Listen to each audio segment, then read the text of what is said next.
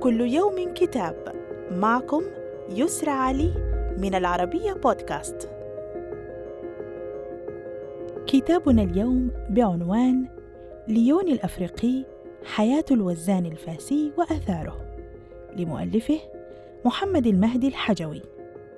وهو محاولة إعادة قراءة كثير من التحولات والأحداث التاريخية الذي عرفها الحوض المتوسط فيما بين أواخر القرن الخامس عشر ومنتصف القرن السادس عشر.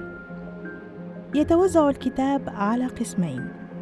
القسم الأول يرصد حياة حسن الوزان وهي اسمه وعائلته ومولده ونشأته ودخوله في الحياة العامة وحياته في المغرب وأسفاره.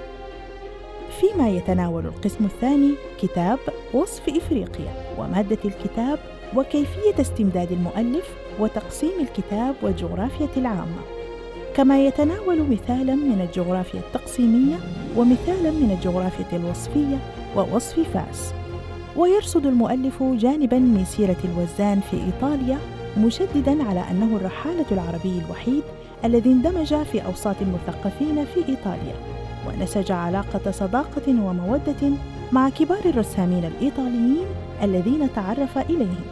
وكيف أنه استطاع أن يخلد وجوده المتلبس من خلال لوحة تشكيلية تؤكد أن الأبحاث العلمية التي أجريت عليها أنها البورتري الحقيقي لشخص الحسن الوزان الذي يعود تاريخ إنجازه إلى أكثر من أربعة قرون.